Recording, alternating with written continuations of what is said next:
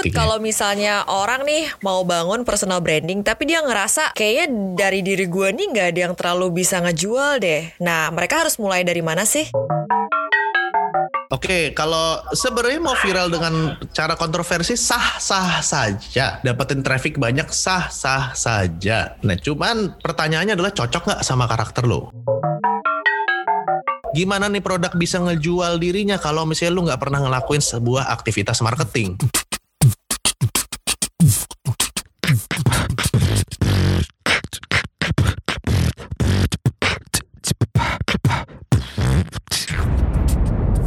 Cuap-cuap cuan.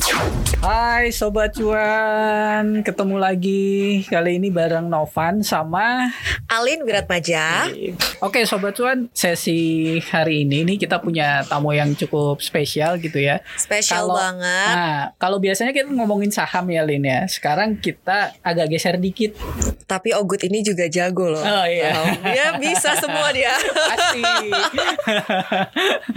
Jadi kita agak akan belajar soal life skill lah ya. Ini kan termasuk tergolong life skill ya dengan siapa?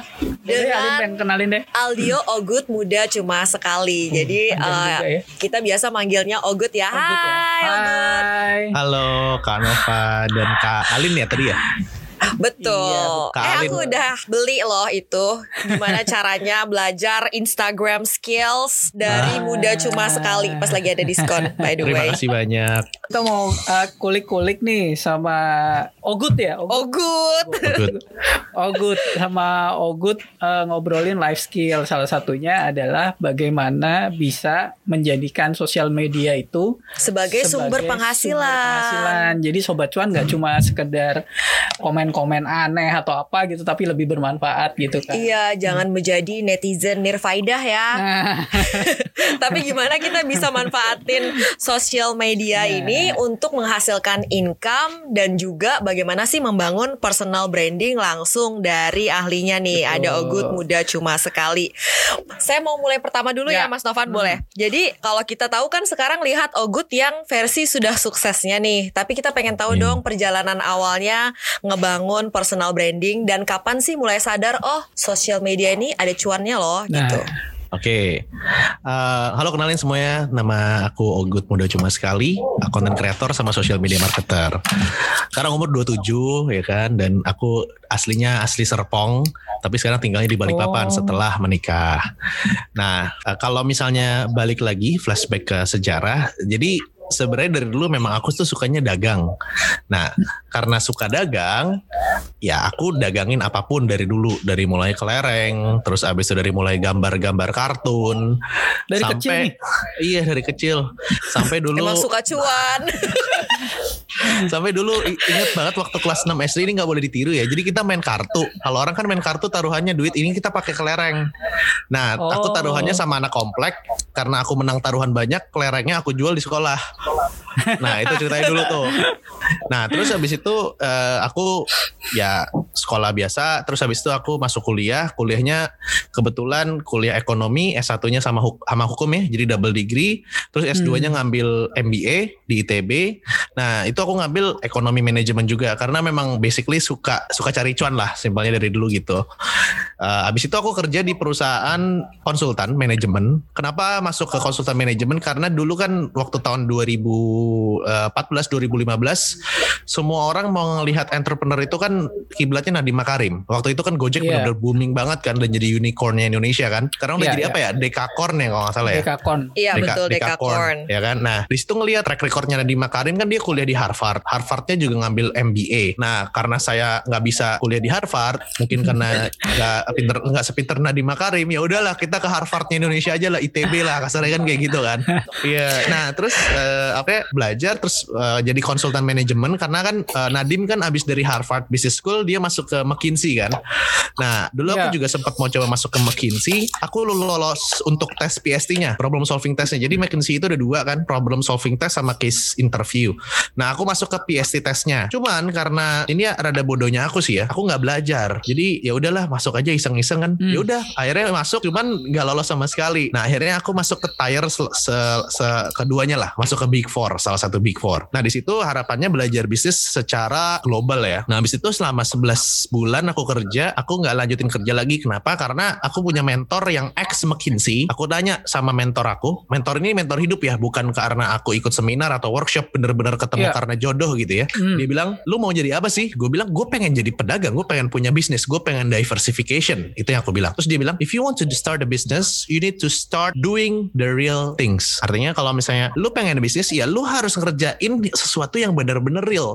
Maksudnya Hmm. sesuatu yang bener-bener real apa? Lu turun ke pasar, lu dagang. Kalau terus terus gue tanya lagi, loh kan McKinsey sama Deloitte itu kayak gitu. Terus dia jelasin, beda. Kalau McKinsey sama Deloitte tempat gue kerja, itu kan ngurusin perusahaan yang udah established biasanya, yang udah ada Iya. capital, yang Iya, sudah iya. ada uh, bisnis prosesnya udah jalan, Mhm. terus habis itu SOP udah ada, policy udah ada, ada modal, udah ada market. Tapi kalau misalnya lu mau start your own business, lu nggak bisa cuman mikirinnya dari situ. Lu harus belajar bleeding dari awal karena lu membentuk market gitu. Terus gue Hmm. pikir bener juga ya. Iya. Akhirnya setelah itu stop kerja dan uh, dengan penghasilan yang dulu cukup ya waktu kerja itu Meninggalkan aku kemapanan dong. Kan itu perusahaan Sangat. bagus banget. sangat Hmm. meninggalkan kela- kemapanan Kak Alin. Nah dari uang yang berhasil aku kumpulin itu aku buka warung ayam bakar kecil-kecilan. Waktu itu modalnya 40 atau 60 juta gitu. Aku buka warung ayam bakar eh, di garasi rumah orang aku sewa di daerah Bintaro. Hmm.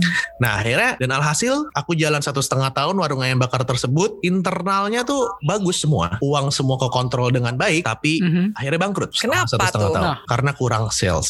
Nah di situ Oh. aku melihat bahwa dulu pikiran orang adalah just create the good product and the product will sell itself. Cukup bikin produk yang bagus nanti produk itu akan jual jual ngejual sendiri produknya. Iya. Nah Iya. di situlah aku dapat gambaran dalam hidup bahwa gimana nih produk bisa ngejual dirinya kalau misalnya lu nggak pernah ngelakuin sebuah aktivitas marketing. Hmm. Sementara itu aku ngelihat kayak banyak influencer, banyak konten kreator yang bikin bikin produk ya menurut aku nggak gitu bagus-bagus amat, nggak gitu enak-enak amat, tapi ramenya kayak apaan tahu waktu pertama kali buka karena dia influencer. Nah di situlah ya. titik di mana aku mikir Oh. gua harus bangun personal brand di social media kayak influencer biar dagangan gue cepet laku. Itu Hmm. titik di awal. Dari si dari situ ternyata ya dari pengalaman memang pengalaman gimana caranya bisa ngejual itu ya. Bener itu Oh good kalau misalnya orang nih mau bangun personal branding tapi dia ngerasa kayaknya dari diri gue nih nggak ada yang terlalu bisa ngejual deh. Nah mereka harus mulai dari mana sih?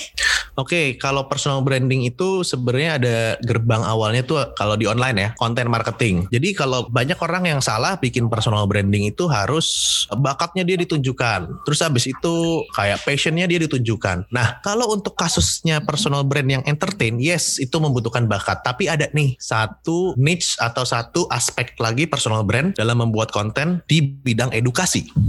Di Hmm. bidang edukasi itu kita nggak ngomongin tentang bakat semata, tapi kita lebih ngomongin tentang topik. Topik apa yang disukain sama kamu, topik apa yang kamu gemari. Selama topik itu kamu suka dan kamu sering research topik tersebut, dijamin kamu lebih knowledgeable atau lebih paham topik-topik yang kamu sukain tersebut dibandingkan mayoritas orang-orang karena kamu belajar topik tersebut. Jadi kamu Iya. satu bab lebih awal daripada orang-orang, lebih lebih up lah, lebih lebih maju. Nah, setelah kamu tahu topiknya mau bahasnya apa, barulah pikirin bakat kita apa sih yang menonjol. Misalnya kayak Kak Alin sama Kak Novan mungkin punya bakat untuk di bidang public speakingnya karena biasa bikin podcast. Kalau aku mungkin di public speaking juga sama bikin videonya. Ada lagi yang jago nulisnya. Nah, barulah kombinasikan antara si topik sama si kelebihan tersebut. Nah, kalau misalnya di bidang konten edukasi itu lebih gampang sebenarnya dibanding konten entertain gitu. Wah, wah, wah. Oke. Luar biasa nih udah di sharing ilmunya baru awal-awal. Udah ketahuan dagingnya ya. Iya. Dagingnya. Terus kemudian eh, perjalanan Ogut sendiri dari tadi ada mulai dari istilahnya ada snap moment gitu ya, sadar oh ini harus mulai mendalami marketing, kemudian tadi eh, mulai mengebangun sampai akhirnya kelihatan hasilnya itu prosesnya kayak gimana? Berapa lama sih sampai akhirnya ada apa ya eh, source of income yang steady gitu dari social media? Oh, kalau yang pertama kali aku buat kan YouTube. Kenapa aku alasannya YouTube? Karena waktu itu kan habis abis abis uangnya habis banget ya setelah bangun warung ayam bakar dan ternyata bangkrut. Aku mikir YouTube kayak ya udahlah gue dapetin sejuta dua juta buat AdSense nggak apa-apa, gas terus aja. Terus juga aku bersyukur banget sama Allah karena aku dikasih orang tua yang masih kerja. Nah di situ mikir mumpung orang tua gue masih bisa ngasih uang, eh, masih bisa ngasih makan, uang udah nggak dikasih, dan mumpung gue belum punya apa-apa dari kerjaan gue, gue harus geber apa yang gue mau. Mumpung Hmm. gue benar-benar dari nol. Ini pesan sedikit sih buat teman-teman. Paling susah itu memulai hal yang baru saat kalian sudah memiliki sesuatu hal di hal yang lama. Maksudnya gimana? Kalau misalnya teman-teman udah kerja, kalau misalnya kamu udah kerja, udah jadi manajer, udah punya anggap dana darurat 100 juta, itu akan lebih sulit keluar dari kerjaan tersebut dan membangun sebuah karir yang baru dibandingkan saat kamu belum punya apa-apa. Bener kan? yang yang kerja nih pasti Iya ngangguk benar nih. benar benar. Ini- Dari tadi ini- kayaknya tiap kali Ogut ngomong mah Eka ngangguk-ngangguk. Enggak karena memang benar kan keluar dari zona nyaman apa kita yang sudah dapat gitu kan kita udah dapat suatu kepastian pendapatan gitu kan setiap bulannya untuk keluar dari situ dan starting sesuatu yang baru itu emang tantangan banget nggak semua Benar. orang juga berani punya nyali gitu. Bener banget. Nah maka dari itu buat, ini aku sambil pesan buat yang dengerin, mumpung orang tua masih bisa ngasih makan, kalau misalnya passion kamu nggak di kantor, passion kamu bukan yang sekarang kamu kerjain, cut it out sebelum terlambat, hajar geber-geberan di yang kamu mau. Nah balik lagi ke Hmm. pertanyaan, berapa lama sih akhirnya bisa monetize? Sebenarnya kalau misalnya mau monetize itu bisa di tiga bulan pertama waktu aku ya aku, karena ada yang video yang meledak, Oh, judulnya oke. 6 pertanyaan jebakan HRD. Di YouTube itu kan dihitung AdSense-nya per views. Nah, Betul. per 1000 views kalau nggak salah di Indonesia itu 0,16 dolar deh kalau nggak salah. Berarti Dolar. 16 sen kalau nggak salah. Aku lupa ya. Kalau nggak salah sebulan itu 3 sampai 4 juta lah. Nah, di situlah aku ngerasa kayak oke, gue udah cukup nih. Itulah uh, penghasilan pertama dari social media di 3 jutaan, Hmm. 2 juta, 3 juta, 4 juta lah sekitar segitu sebulan. Oke. gitu. Terus kemudian kalau merambahnya nih, kalau sekarang kemudian ada banyak platform pastinya kan, kayak Hmm. misalnya Instagram, apalagi dengan influencer. Nah itu peralihannya atau kemudian melakukannya itu YouTube jalan, kemudian ke platform itu juga ke Instagram atau Oke. kayak gimana tuh? Jadi eh, setelah 2018 setelah menikah, di situ aku kan bikin YouTube aja ya, Instagram nggak gitu Hmm. dikonsentrasiin. Nah, suatu hari aku ikut kelas digital marketing. Nah, kenapa aku ikut kelas digital marketing? Karena ya aku balik lagi pengennya dagang kan. Dan aku Iya. jadi konten kreator ya harus ngerti dong payungnya konten kreator kan adalah digital marketing. Nggak mungkin dong kalau jadi konten kreator nggak ngerti digital marketing. Dan setelah aku ngeliat ikutan kelasnya, itu bener-bener ngebuka pikiran aku. Aku mikir kayak gila ini dari muda cuma sekali YouTube aja nih. Ini sumber penghasilannya bisa banyak banget nih. Step pertama yang aku ambil adalah aku omni channel. Omni channel itu artinya aku ada di semua sosial media. Walaupun Iya. sekarang nggak semua sih, capek bikin kontennya. Dan nyari orang yang bisa bantuinnya susah untuk bikin konten. Nah, akhirnya aku di situ mulai uh, belajar Instagram. Belajar Instagram ini tujuannya apa? Tujuan awalnya adalah biar nambahin red card endorse. Jadi ada Oke. jadi ada YouTube kan. Ya, Iya. Soalnya aku sadar bahwa kadang ada orang, ada klien brand yang nggak mau di post di YouTube, maunya di Instagram. Gimana kalau misalnya saya cuma punya YouTube, ya jadi nggak nggak dapat rezeki dong gitu loh Iya, simpelnya. Akhirnya Iya. aku mulai bikin Instagram. Nah alasannya adalah itu dan kemudian di Instagram itu ada fitur swipe up. betul. Di situ aku Iya. ngeliat banget fitur itu powerful banget. Fitur itu kan simpelnya adalah kayak tombol di landing page action button Benar. sebenarnya Ya, bisa kita lempar ke mana-mana aja. Terus aku pikir kalau misalnya saya punya toko nih, Instagram saya rame, saya suruh swipe up, itu dia bisa kus- saya lempar ke toko saya, kan kurang lebihnya Hmm. kayak gitu. Itu Iya, alasannya iya, kenapa iya. Omni Channel. Oke, Banget. oke. Untuk ide sendiri pernah ini nggak? Maksudnya kalau dalam artian dalam mencari ide gitu ya. Kalau tadi kan Ogut sempat nyebutin bahwa eh, apa yang kita suka ahlinya kemudian kita juga harus belajar supaya orang sat, apa satu bab lebih di depan daripada Ya. apa namanya audiensnya gitu. Hmm. Kalau Ogut sendiri kemudian memutuskan untuk ada spesifikasi, Ogut spesifikasinya soal ini nih gitu. Itu sejak kapan dan eh, gimana ininya Oke. mencari tahu gitunya. Awal aku bikin konten itu kan di YouTube tentang HR sebenarnya, tentang Iya. interview kerja, ngebantuin orang-orang interview kerja. Balik lagi itu dimulai dari apa tuh yang Simon Sinek kan circle of apa yang why, what, how, lupa aku. Start with why Hmm. itu ya. Start with why, yes, aku baca itu kan. Sebenarnya why-nya muda cuma sekali itu kan adalah aku pengen buktiin kepada kepada masyarakat bahwa orang-orang yang nggak bisa fit in, yang nggak bisa fit in sama society, sama hierarki, sama sistem konvensional, itu juga bisa sukses kok dengan caranya dia sendiri. Tujuannya itu. Saya mau buktiin anak bandel, anak tongkrongan, anak yang dibilang guru-guru nggak akan sukses, anak yang dibilang guru-guru nakal, ya kan? masa depan. Lu bisa sukses gitu loh. Alhasil aku em, apa namanya bikin konten tentang self development dulu. Tapi ternyata, Oke. tapi ternyata eh, aku kurang laku yang self development di awal karena nggak tahu kenapa. Mungkin orang belum tahu siapa aku sih gitu ya. Nah pas aku bikin iseng-iseng tentang interview HRD, bagus, buar meledak. Habis itu aku bikin interview HRD terus. Nah di situ aku nemuin pertama kali niche yang aku sentuh adalah self development dan karir ya. Di situ aku, aku mikirin orang nggak akan mikir untuk dia bisa hidup sesuai yang dia mau kalau perutnya masih lapar. Mhm. Ah, Jadi tugas aku adalah bikin dia kenyang dulu, abis itu baru dia berpikir dan dia bisa cari tujuan hidupnya dia.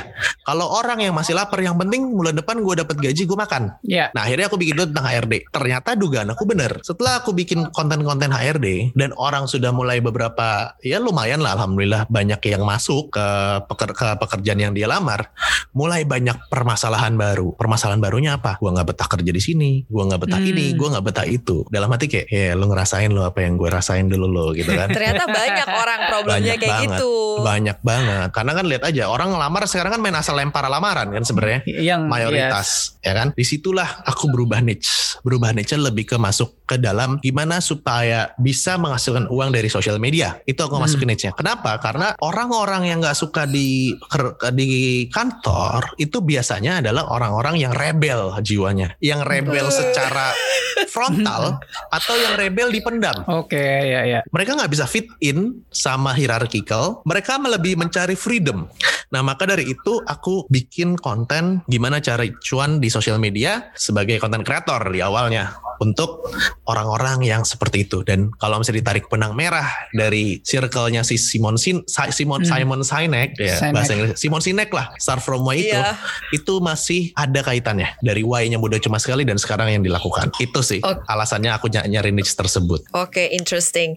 Eh, kalau udah ketemu why-nya, kemudian tadi eh, udah ada titik starting point-nya, menurut kamu selanjutnya gimana biar tetap kita tuh bisa relevan gitu sesuai dengan zaman terus-terusan dan apa sih yang perlu dikuasai kayak gitu? Oke, biar relevan sama zaman terus-terusan. Sekarang kita tanya dulu, relevan itu apa sih? Artinya kita mendapatkan tempat lah ya, mendapatkan perhatian yang memang eh, kita kan misalnya sebagai konten creator ya, kita kan pengen konten kita dikonsumsi kayak gitu. Jadi Ya. gimana sih? eh ya tadi salah satunya misalnya Ogut kan beradaptasi ya, ada perubahan dari sisi needs dari awalnya ini ke pindah ke ini gitu. Nah, buat teman-teman yang misalnya baru mulai konten nih, gimana sih caranya biar tetap sustainable lah intinya presence-nya di sosial media dan tetap orang tuh ngerasa you bring good influence to my life gitu.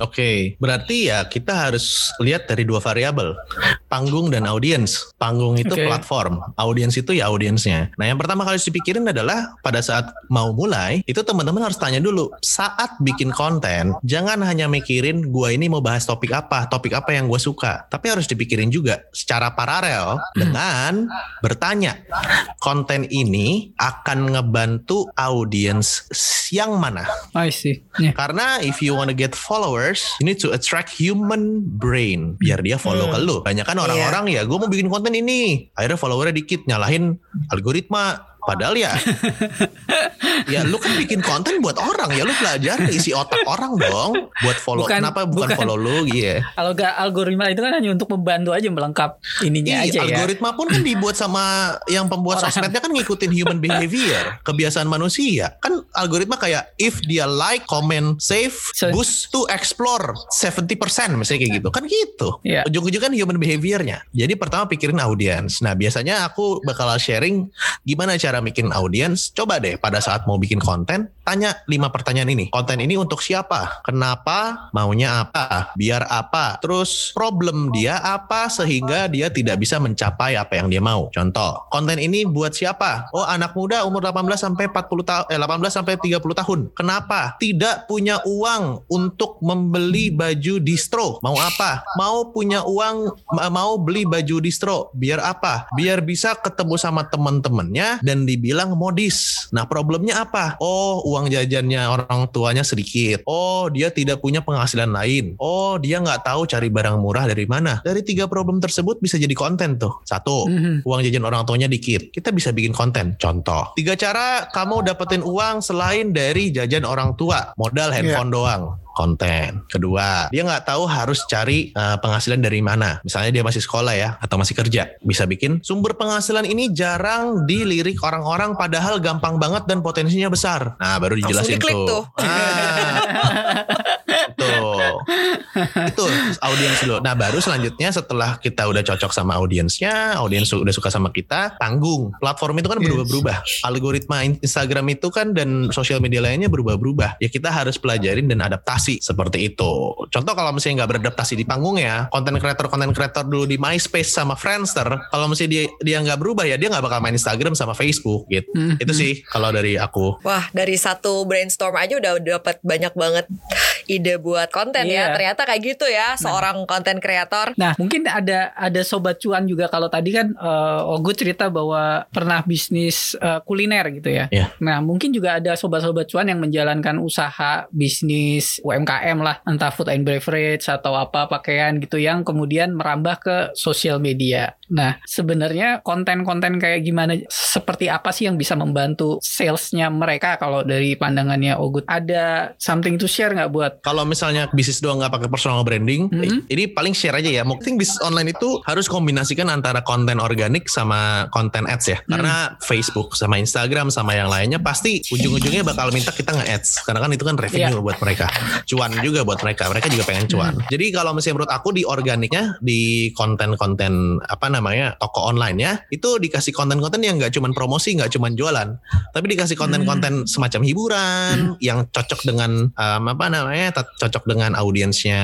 Tapi tetap itu jangan jadi mayoritas. Iya, iya, iya. Jangan jadi mayoritas, tetap harus ke produk juga. Jadi ada ada unsur lainnya selain jualan gitu loh. Jadi ada Hmm. ada unsur funnya juga. Nah, Jadi di kontennya nggak melulu jualan, tapi juga apa yang mereka good at gitu ya. Kalau misalnya jago Yes. masak mungkin kasih tips masak gitu-gitu ya. Iya maksud Hmm. eh, iya maksud tapi u- eh, ujung-ujungnya jangan terlalu banyak karena kan kita sistemnya Hmm. jualan gitu kan. Nah, Iya, baru iya, nanti iya. kombinasiin sama konten ads. Nah, konten ads itulah tempat teman-teman jualan. Jadi enak tuh digabungin antara organik sama ads. Kalau teman-teman organik, teman-teman dapat orang yang visit profilnya teman-teman. Visit Hmm. profile teman-teman itu kan bisa dijadiin custom audience. Nah, custom duh dat- udah mulai teknis nih. Jadi dikelompokin orang-orang yang udah visit profile dikelompokin terus nanti diiklanin lagi. Iya, enak iya, seperti targeting lagi ya. Retargeting namanya. Nah, buat teman-teman yang bikin usaha wajib banget bikin wajib banget belajar Facebook Ads sih biar ngerti hal-hal kayak gini. Itu Hmm. saran aku. Wow, apalagi nih yang perlu di skill yang perlu dipunyain oleh konten kreator ataupun orang yang mengharapkan bisa ngeboost uh, penjualan dia ataupun juga misalnya uh, freelancer-freelancer biar orang banyak kontak dia untuk pakai jasanya kayak gitu. Nah, sales funnel. Sales funnel itu penting banget karena kita bisa tahu bagaimana otak bekerja dalam melihat sebuah konten, melihat sebuah penawaran, step by stepnya gimana gitu loh. Jadi kayak, oh abis dari sini dia akan mikir apa, terus kita kasih apa lagi. Terus kedua, untuk mengimbangi sales funnel tersebut, kita harus belajar yang namanya copywriting. Oke. Itu penting banget karena ya aku pernah bikin konten di Instagram namanya endorse nggak cuman hi guys. Nah, iya kalau misalnya hi guys ini aku mau promosiin tisu nih. Tisu kan? Uh, ini tisunya bagus banget loh gini gini nih. Ya kurang gitu loh. Uh, nanti lu bakalan ke geser sama influencer influencer lain yang bisa lebih jago SSI-nya lah speak speak iblisnya lah simpelnya kayak gitu. Hmm. Nah, maka dari itu perlu banget yang namanya copywriting kayak misalnya aku mau promosiin uh, aplikasi saham gitu ya. Misalnya mau Ya. promosiin aplikasi saham. Kalau misalnya yang biasa aja pasti ngomongnya gini, "Hai, aku mau promosiin aplikasi saham ini ini bagus banget, gila, ini bagus, pokoknya keren banget kalian udah langsung ya download aplikasinya di sini gitu." Tapi kalau masih kita ngerti copywriting, uh, itu bisa dikemas lebih bagus lagi. Contohnya kayak kita bisa ngambil angle, contohnya angle untuk nabung, ya kan? Hmm. Terus kita bisa bilang gini, bikin konten. Oke, kita mau ngomongin tentang nabung saham. Ujung-ujungnya mempromosikan aplikasi aplikasi Ogood misalnya kayak gitu. Iya. Aplikasi Ogood saham. Kita bisa bikin gini. Teman-teman tahu nggak? Selama ini cara nabung kalian salah. Itu headline-nya. Oh, Ya jadi orang pengen tahu gue salahnya di mana sih Nah, gitu. itu kan copywriting. Jadi soft sellingnya lebih dapat. Teman-teman, tahu nggak kalau misalnya kita nabung di bank, teman-teman akan dalam waktu satu, dalam waktu tiga tahun uang teman-teman akan habis, misalnya kayak gitu. Kenapa? Karena adanya namanya inflasi. Nah, teman-teman pernah nggak sih dengar quotes daripada nabung di bank, mendingan kita beli saham banknya. Ini. Gitu. gitu. Oh iya, gue Udah ini banget ya. pengen minta pendapat sih ya. Jadi kan sering banget tuh orang followersnya udah banyak, tapi apakah punya followers sebanyak-banyaknya tuh equals dengan engagement ya istilahnya ya itu. Oh enggak, kalau followers sebanyak-banyaknya enggak equals dengan engagement. Ujung-ujungnya kita harus lihat KPI-nya adalah ya berapa orang yang leads atau prospek, Hmm. berapa orang yang beli gitu. Nah kalau misalnya artis-artis ini tricky sih. Kadang-kadang kalau orang udah jadi mega star gitu ya, udah jadi bintang besar gitu, itu dia mau ngepost apa aja sih ya orang-orang suka-suka aja karena dia sudah jadi artis gitu loh. Nah cuman alangkah lebih baiknya lagi kalau misalnya artis itu ngerti copywriting. Kalau ngerti copywriting, dia bisa naikin lebih mahal Harganya ya. dia. Dan brand juga pasti sadar karena brand ini kan otaknya otak marketing. Dia Ya. pasti tahu dong kayak gue mau lihat conversion gue berapa sih? Gue mau lihat Hmm. berapa orang sih yang dari gue endorse ke dia dia bisa follow atau dia bisa masuk ke dalam website gue. Dia pasti mikir kayak gitu. Nah, kalau artis ngerti hal tersebut, kemungkinan besar dia akan dapat nama yang bagus di bagian brand, ya kan? Terus kemudian engagementnya jauh lebih bagus. Jadi kata-kata. Cuman sering kali di, di prakteknya, karena memang dia sudah artis, orang-orang sudah ngefans sama karakternya, ya dia post gimana juga orang-orang suka gitu ya. Tapi yang jadi masalah sebenarnya adalah bu- yang bukan artis kayak saya.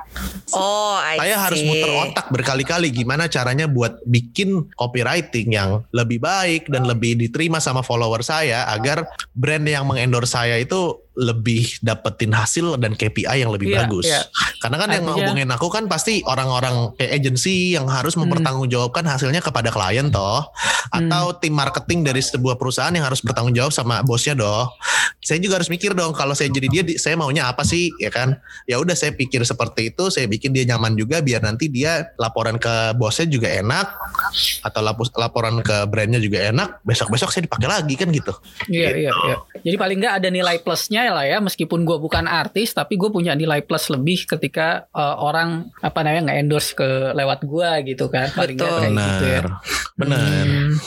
Kalau penasaran, kalau Ogut sendiri pernah handle uh, apa namanya politisi-politisi gitu nggak sih untuk ininya mereka Hmm, waktu personal brandnya mereka Jadi gitu? konsultan Konsultan untuk brandnya gitu kan sekarang sosial media gitu ya? rame nih pasti kan enggak. politisi pasti ngincer oh, oke Enggak, aku nggak eh, ngurusin personal branding orang sih. Aku bikin kelas, oh aku bikin kelas online aja biar mereka belangun personal branding sendiri belajar dari aku aja. Aku oh gitu mau nggak bisa kalau jasa-jasa gitu konsultan gitu agak rempong.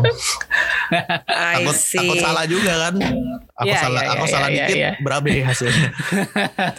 Oke, Eh, kalau sekarang kan banyak banget kita lihat nih eh, yang teman-teman pengen cepet banget naik followersnya, cepet pengen eh, viral kayak gitu. Apa sih eh, pandangan kamu sendiri, Ogut? Misalnya kayak asal viral aja tapi kontroversial kayak gitu. Oke, viral kontroversial. Misalnya viral karena pamer gitu ya.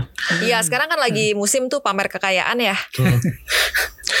Oke, kalau sebenarnya mau viral dengan cara kontroversi sah-sah saja, dapetin traffic banyak sah-sah saja. Nah, cuman pertanyaannya adalah cocok nggak sama karakter lo? Contoh kayak Hmm. kemarin ada Denis Kariesta, sebut merek Ya. apa lah bodo amat. Denis, Denis Kariesta yang bikin hai HP ku iPhone dan lain-lain kayak gini. Heeh. Trafiknya kenceng banget, langsung naiknya cepat banget. Nah pertanyaannya, tahan gak lu sama hujatan netizen? Gue sih belum sekuat Dennis ya mentalnya ya. Jadi kayak ya udah gue pakai cara gue aja belum sekuat Dennis. Terus misalnya kayak Indra, Indra pamer kekayaan. Tapi kan dia deng- dengan motivasi motivational doang. Tapi pasti pasti ada juga eh, haters yang nggak suka, ya dihujat, dibenci gitu. Ya lu siap nggak? Satu. Terus kedua, kalau pamer kekayaan, masalahnya gue belum kaya nih. Jadi nggak ada yang bisa dipamerin. Ya, orang mobil aja gue nggak beli gitu kan. Mobil aja nggak gue beli, motor aja nggak beli. Motor aja nggak punya saya. Alasannya bukan karena nggak ada duit sih, karena nggak mau terdepresiasi. Sayang aja orang kerja di komputer ngapain beli motor gitu loh. Nah, kalau misalnya pamer, memang kontennya di awal pamer, lu harus nextnya itu mayoritas pamer, pamer, pamer, pamer, pamer, pamer terus. Nah pertanyaannya, budgetnya ada nggak? Capek lama-lama ya. Nah, itu. Terus kalau misalnya konten pamer juga, gue sering ngeliat banyak kan netizen netizennya yang celamitan yang minta-minta kak sumbang dong kak kak giveaway dong kak Iya. orang jadi follow lu karena em, untuk celamitan gitu loh untuk minta-minta. Iya, walaupun nggak semua ya. Nah apakah lu cocok dengan itu? Nah kalau gue kagak. Kalau aku nggak. Aku lebih suka yang kayak orang pengen tahu apa yang aku punya apa yang bisa share bermanfaat ke mereka. Hmm. ya at least juga bisa jadi amal jariah nanti buat kalau aku meninggal. Itu sih intinya aku pengennya kayak gitu. Gitu. Jadi Hmm. sah-sah aja kesimpulannya. Boleh dilakukan, yang penting nggak ngelanggar UU ITE kan? dan nggak ngelanggar norma-norma etika, ras dan lain-lain. Sarah, tapi ya apakah cocok dengan kamu apa enggak? Kalau saya sih nggak cocok gitu. Oke, modal utama yang harus dimiliki seseorang apakah kemampuan skill tertentu atau memang apa yang kita tertarik aja atau modal utamanya apa kira-kira gue? Oke, mungkin kalau orang-orang nih jawabnya modal utamanya niat pasti ya. Kalau Ogut apa? kita niat tapi jalannya belum bisa gitu gimana? Oke, modal utamanya eh, adalah audiens. Oke. Audiens harus kenal banget sama audiens kita. Harus Hmm. benar-benar kenal sama behavior orang-orang yang ada di sosial media yang mau dituju. Itu modal utamanya. Kalau Oke. audiensnya udah kelar ke depannya gampang. Mau bikin konten apa juga bisa. Artinya kayak mengenali medan perang ya. Yes. harus kenal Jadi dulu. pengen nanya do Ogut apa kita nyasar dulu nih audiens gue gue mau yang ini atau ya udah kita misalnya tampilkan diri kita terus lihat yang mana sih yang ketarik sama kita kayak gitu atau gimana sih? Oke, stepnya gini. Pertama kita merenung dulu, matiin AC kamar, nyal- gelapin, terus mikir, oh ya saya suka topik apa. Terus habis itu, oke audiensnya, audiensnya kayak gimana ya kan. Nah setelah kita udah dapetin data kayak gitu, udah, kita udah punya namanya asumsi atau kalau anak skripsi itu hipotesis ya. nah Iya ya. Biar kelihatan anak S2 nih. Nah Asik. hipotesis itu kan adalah sebuah dugaan kan. Hipotesis Iya. itu harus diuji dong. Diuji. Nah, setelah kita udah eh, mikirin kontennya kita siap, mau mau audiens siapa, kan kita udah tahu tuh siapa, kenapa, mau apa, biar apa, problemnya apa, yang tadi tuh. Hmm. Nah, kalau kalau Kak Alin udah udah eh, daftar kelas Instagram hack pasti nemu tuh di situ. Ya kan? Siapa, kenapa, mau apa, biar apa, problemnya apa. Terus kita udah dapat problem-problem seperti yang tadi dijelasin, satu-satu kita bikinin konten. Ya Hmm. kan? Nah, sebelum kita bikin konten, kita lakukan dulu survei. Oke. Surveinya bisa lewat WhatsApp, lewat chat, lewat apa.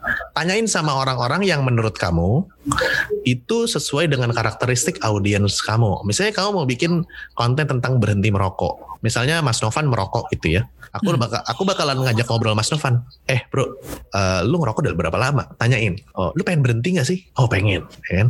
Berarti mau berhenti kan? Kenapa lu mau berhenti? Ya nih, gue juga udah mulai nggak enak sesek sesak napas ya kan udah udah pusing gitu kalau bangun pagi suka banyak eh, dahaknya gitu kan Ya, ya. udah dapat abis itu ya udah kan udah dapat apa namanya udah dapat si problemnya tersebut tanya lagi kenapa lo masih belum berhenti merokok iya bro susah banget nih kalau ketemu temen asem pengen sebat gitu kan pengen sebat Ya.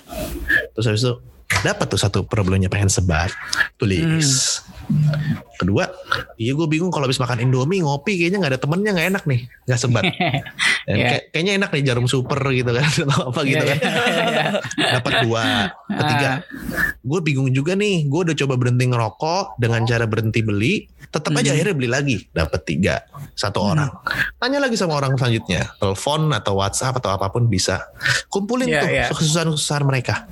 Habis itu bikinlah konten dari kesusahan-kesusahan mereka lihat responnya audiens seperti apa itu Hmm. caranya Gitu. Oke, sebelum ke pesan-pesan untuk sobat cuan yang lagi misalnya pengen jadi konten kreator, saya mau gali dikit nih soal uh, Ogutnya ya.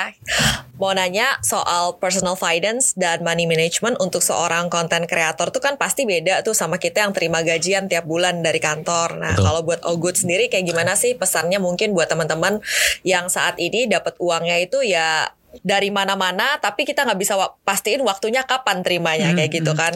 Oke, ya pesannya tadi finance ya. Pertama kali yang kita harus tahu adalah kita nggak kita tidak sestabil penghasilan orang yang kerja kantoran. Jadi makanya kita harus berpikir lebih keras gimana caranya kita bisa tetap hidup nyaman. Hmm. Nah, kuncinya adalah puasa dulu. Puasa Ah. dulu. Caranya adalah dengan lu belajar financial planning. Nah, Iya. kalau misalnya financial planning, saran aku buat orang-orang yang baru dapetin penghasilan dari dunia sosial media, yang pertama kali harus dilakukan adalah hitung berapa fixed cost sebulan yang paling minimal hidup sederhana biar lu tetap bisa kerja dan tidak mati simpelnya gitu. Oke. Oke. Nongkrong berarti nggak usah dimasukin. Jangan nongkrong. Nongkrong boleh lah, tapi pesan minum aja makanya di rumah. Oke. Gitu. Itu yang aku lakukan dulu. Aku cuma pesan es tawar karena nggak memang duitnya disimpan. Udah, habis itu es tawar udah ngobrol sama teman gitu. Kadang-kadang kalau tawarin teman bayarin ya mau lah. Gitu ya, oh, mau dong. Gue lagi merintis nih, tolong lah, boleh lah kalau lu bayarin.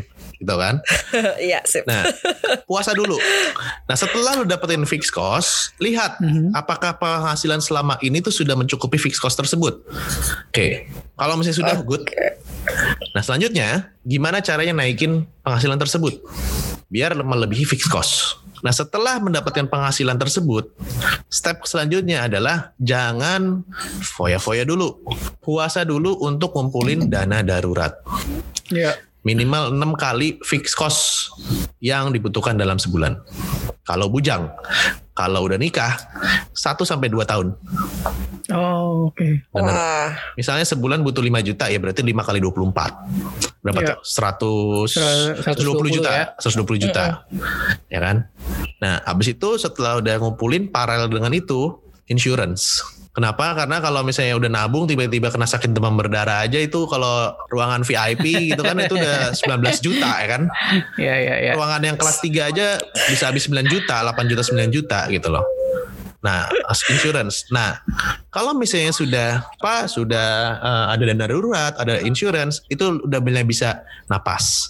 Bolehlah Hmm. beli yang kecil-kecil dulu, dikit-dikit dulu. Nah, setelah udah puas sedikit nih, mulai mungkin 3 bulan 4 bulan nikmatin ego lah buat beli-beli barang, pikirin lagi, nextnya kan kamu nikah. Eh, nabung lah buat pernikahan. Nih. Hmm. Kalau misalnya udah nikah kayak aku, nggak ada target dong. Oh ada. Belum lahiran. Lahiran kan jangan dikira semua bakal berjalan lancar. Cari worst case skenario nya dong. Worst Iya, case skenario nya apa? Ya kita harus si- sesar. Sesar sesarnya di masa kasih kita kita kasih istri yang nggak terbaik sih ya kita cari sesar yang VIP dokternya paling bagus yang ada di kota kita kita hitung Mhm. berapa duit biasanya siapin duitnya nah habis siapin Iya. duit itu udah selesai aman ada satu lagi nih nanti kan si kecil harus sekolah buat Sekolah. yang punya anak pasti kan yang paling berat itu sekolah itu adalah uang pangkal Betul. Nah, kalau Iya, misalnya kalau misalnya uang bulanan SPP itu kan ya ikutin cash flow lah ya. Bisa lah Iya, kalau SPP iya, nggak bisa. nggak gitu seberat itulah, tapi uang pangkal kan. Udah nyicil lah. Iya. Pelan-pelan dulu sampai misalnya eh, sesar udah nih, sesar udah dapet uang sesar. Ya udah, nikmatin lagi lah setengah bulan, setengah tahun, tiga bulan. Tiba-tiba udah hamil, udah tuh harus mulai nabung lagi. Harus Hmm. nabung lagi at least sampai anak kelas 6 SD dulu deh. Masuk SD udah lancar, udah ada uang pangkalnya. Berarti kan playgroup TK SD. Nah, kita punya napas 6 tahun tuh. Ya kan? Nah, Iya. kita ambil ya udah tiga tahun nih gue kumpulin lagi buat SMP tiga tahunnya gue happy happy oke bagus.